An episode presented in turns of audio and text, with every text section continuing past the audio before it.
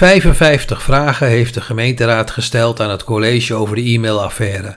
Er is dus aan de raadsleden heel veel onduidelijk over deze e-mailgate.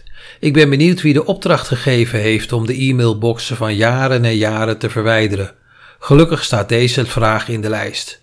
Een van de vragen aan het college is: kunt u uitsluiten dat het verwijderen met opzet is gebeurd? Die vraag kan ik al beantwoorden. Natuurlijk is dat met opzet gebeurd.